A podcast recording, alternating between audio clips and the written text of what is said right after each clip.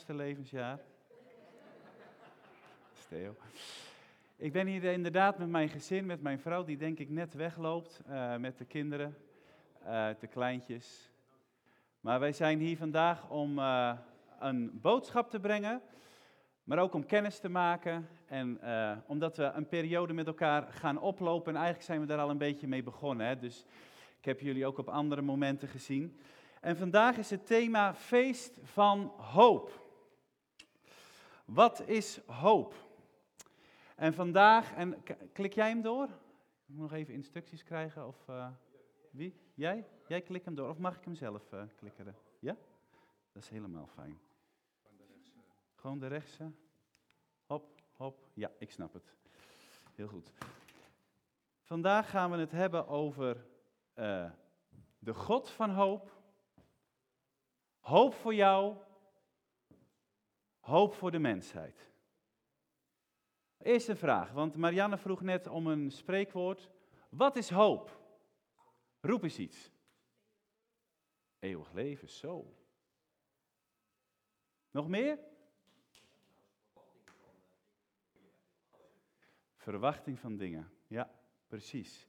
Nou, Van Dalen heeft daar ook over nagedacht, dat is het Nederlandse woordenboek. En die zeggen, dat is graag iets willen, of een mate van verwachting van iets goeds. Fijn dat Van Dalen dat vindt, maar ik hoop dat ik vandaag jou en mezelf kan bemoedigen met zeggen dat de inhoud van hoop vanuit Gods perspectief veel groter is dan dat.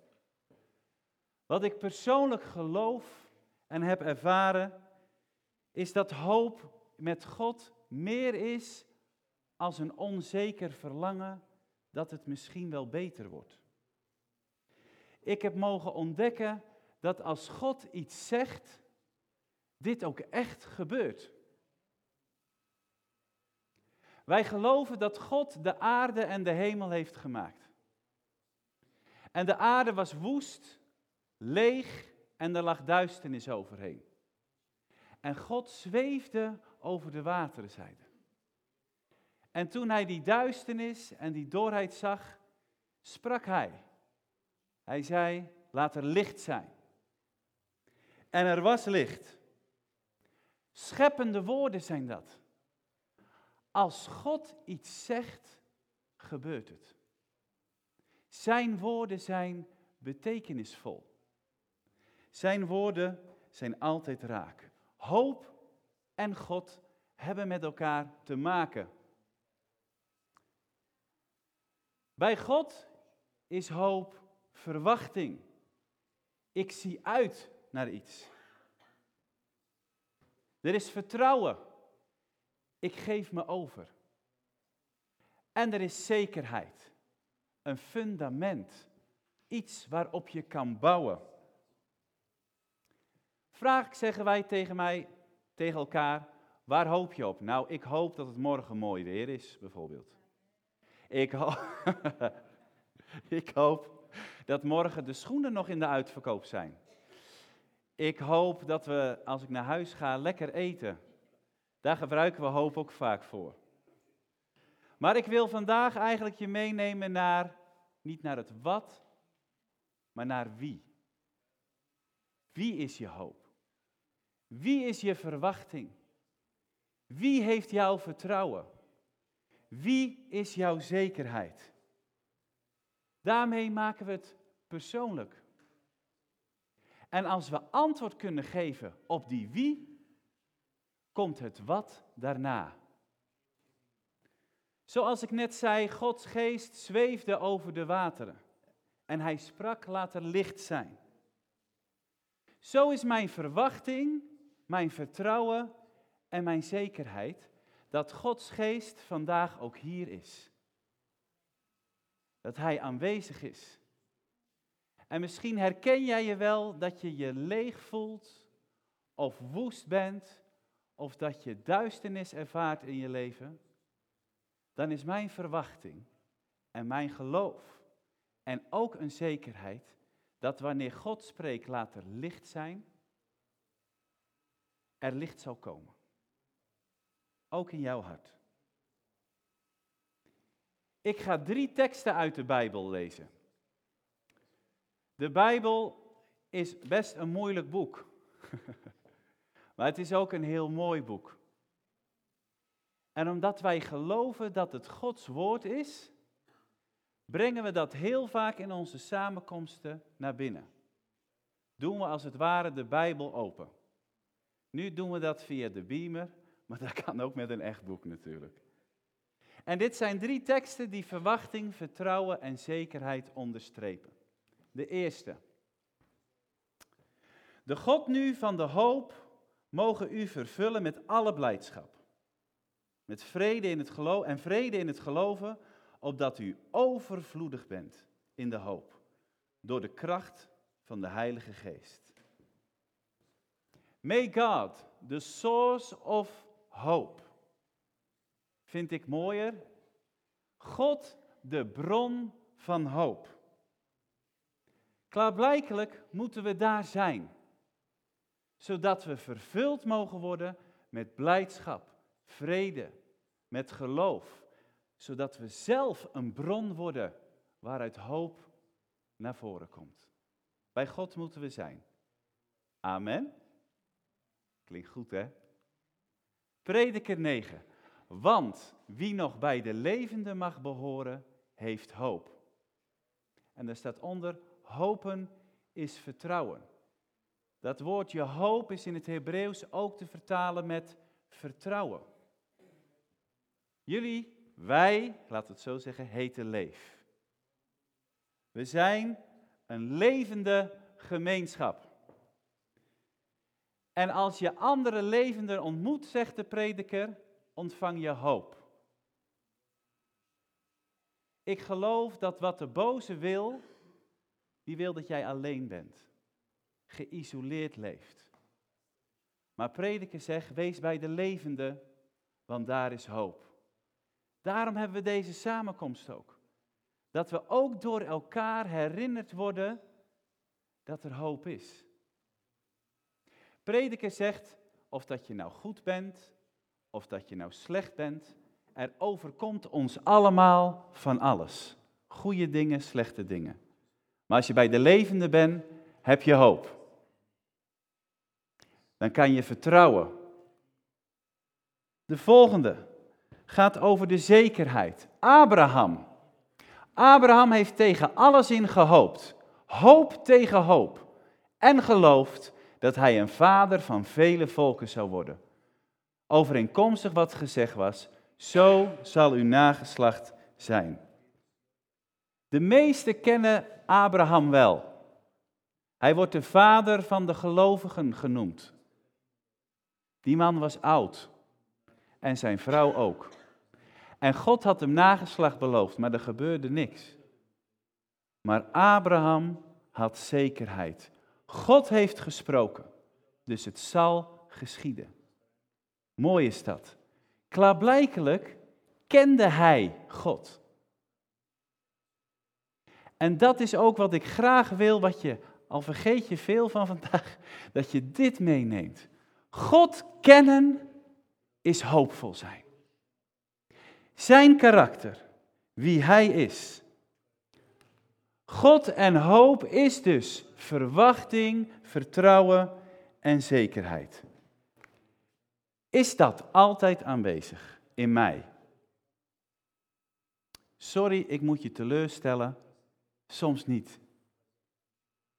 Ik heb soms anderen nodig die mij hiervan vertellen. Maar hoop, maar daarom heb ik moeten leren, en nog steeds, dat Gods beloften waar zijn. Dat Hij gezegd heeft, Robert, ik zal je niet begeven. Ik zal je niet verlaten. Ik zal met je zijn, alle dagen van je leven. Robert, ik, Jezus, zegt, ik ben het licht van de wereld. Als je bij mij bent, ben je niet in de duisternis.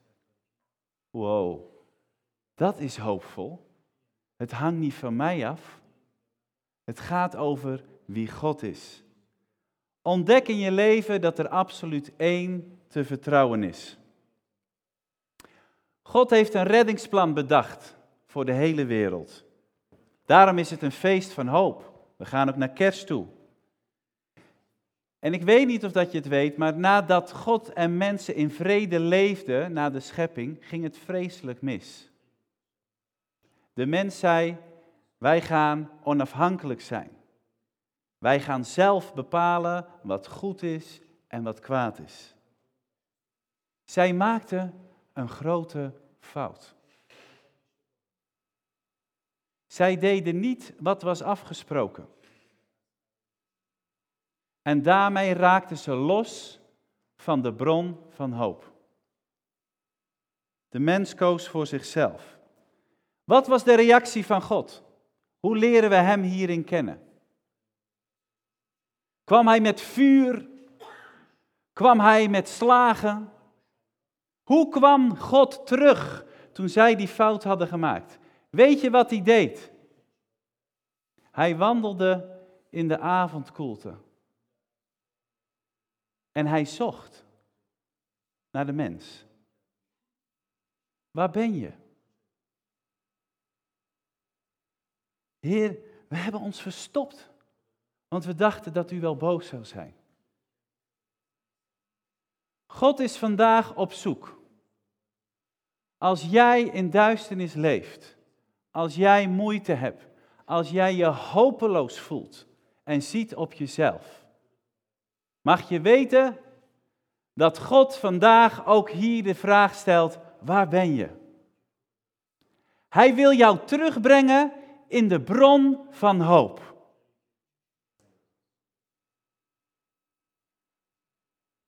Dat is onze God. Zo mag je Hem leren kennen. Daarom mag je hoopvol zijn voor alle dingen. Hier zien jullie natuurlijk helemaal niks van. Oh, dank je.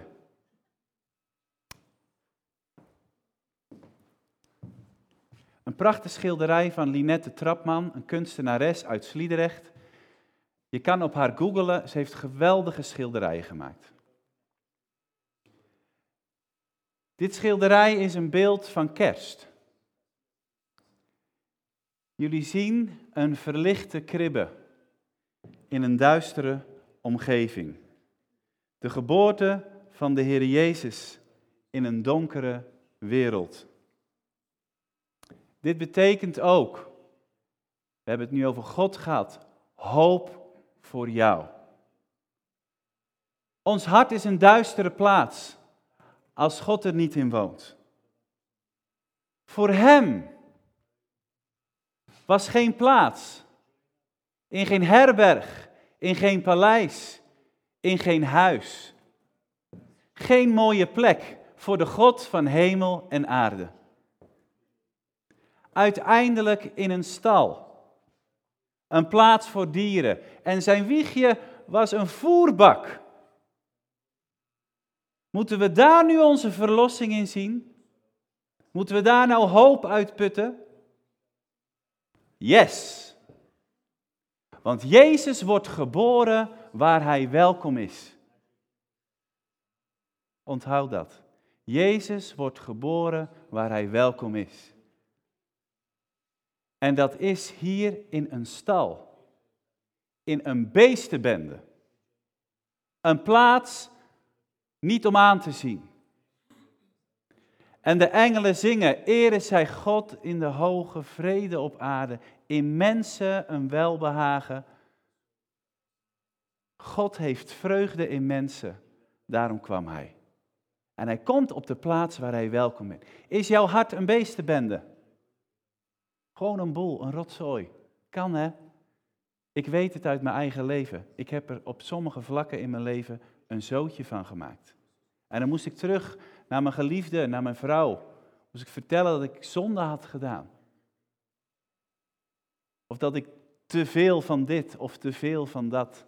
Of lelijk doe tegen mijn kinderen. Of God vergeet. Dan voelt dat als een beestenboel. Ken je dat? Dat je er een zootje van maakt?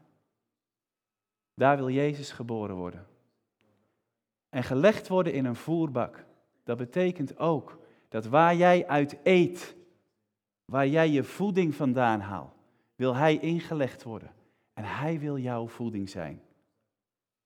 De hoop van deze wereld wil jou voeden. Is dat niet mooi? Heel mooi.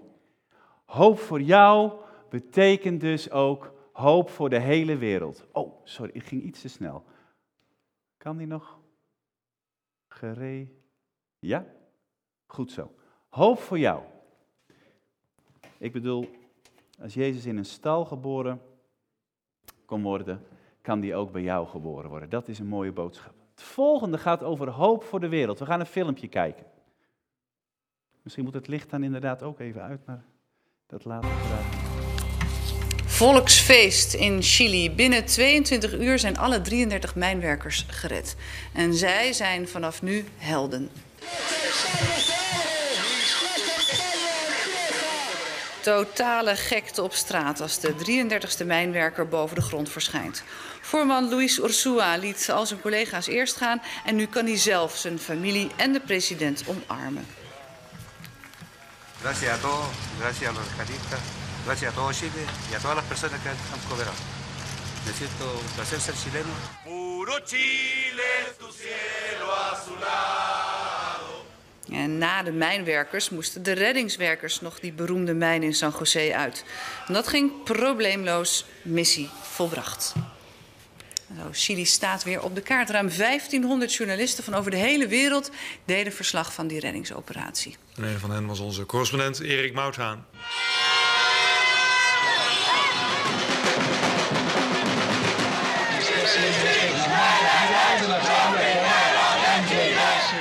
Drieduizend mensen verzamelen zich in de mijnwerkerstad Copiapó. Ze wachten tot voorman Luis Ursua als laatste wordt bevrijd.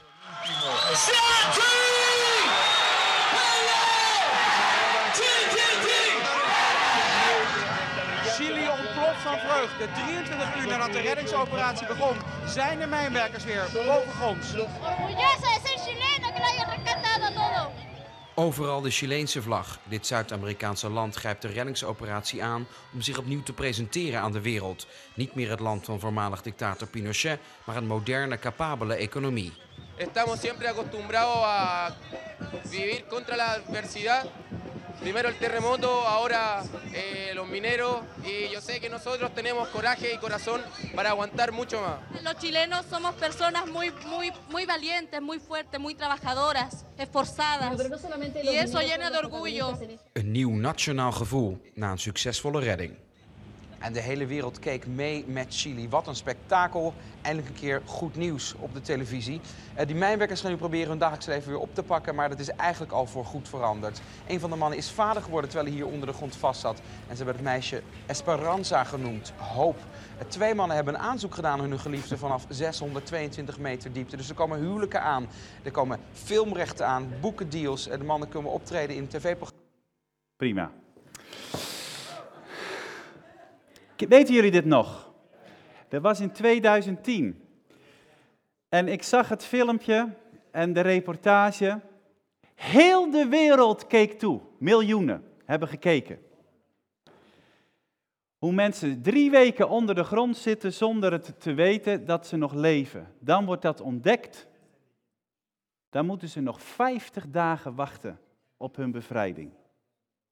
70 dagen onder de grond op 700 meter diepte. Geweldig wat hun overkomt, eh, en dan bedoel ik overweldigend, depressies, donkerte, moeite, hele zware tijd.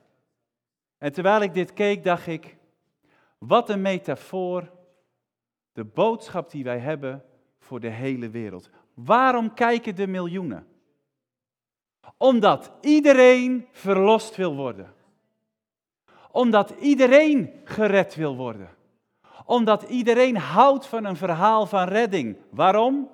Omdat we het allemaal nodig hebben. Daarom zijn de gelovigen de hoop voor de wereld. Je hebt een boodschap voor iedereen. God heeft zich verzoend met de wereld en de wereld met hem. En wij mogen mensen om ons heen vertellen van die verlossing. En voor de mensen die al lang in Jezus geloven. Het betekent niet dat je leven heel gemakkelijk is als je gaat geloven in Jezus. Dat is het eerlijke verhaal. En soms voel je ook dat je in die mijn zit. Hoe lang nog moet ik wachten op verlossing? En heb je last van onbehagelijkheid of dat, nou ja, nare gedachten of weet ik veel wat. Maar weet je waarom je ook zeker mag zijn? Jezus is gekomen in een stal, maar hij zal nog een keer komen. En dan zal er een rijk zijn van gerechtigheid, van vrede, van liefde. Je mag gevuld worden vandaag, ook als gelovige, met hoop dat Hij echt komt. En tot aan die dag kunnen we bidden, mogen we hopen dat de God van de hemel ook vandaag op aarde nog steeds wil laten zien wie Hij is. En jouw leven wil vullen met hoop voor de toekomst en kracht voor vandaag. Amen.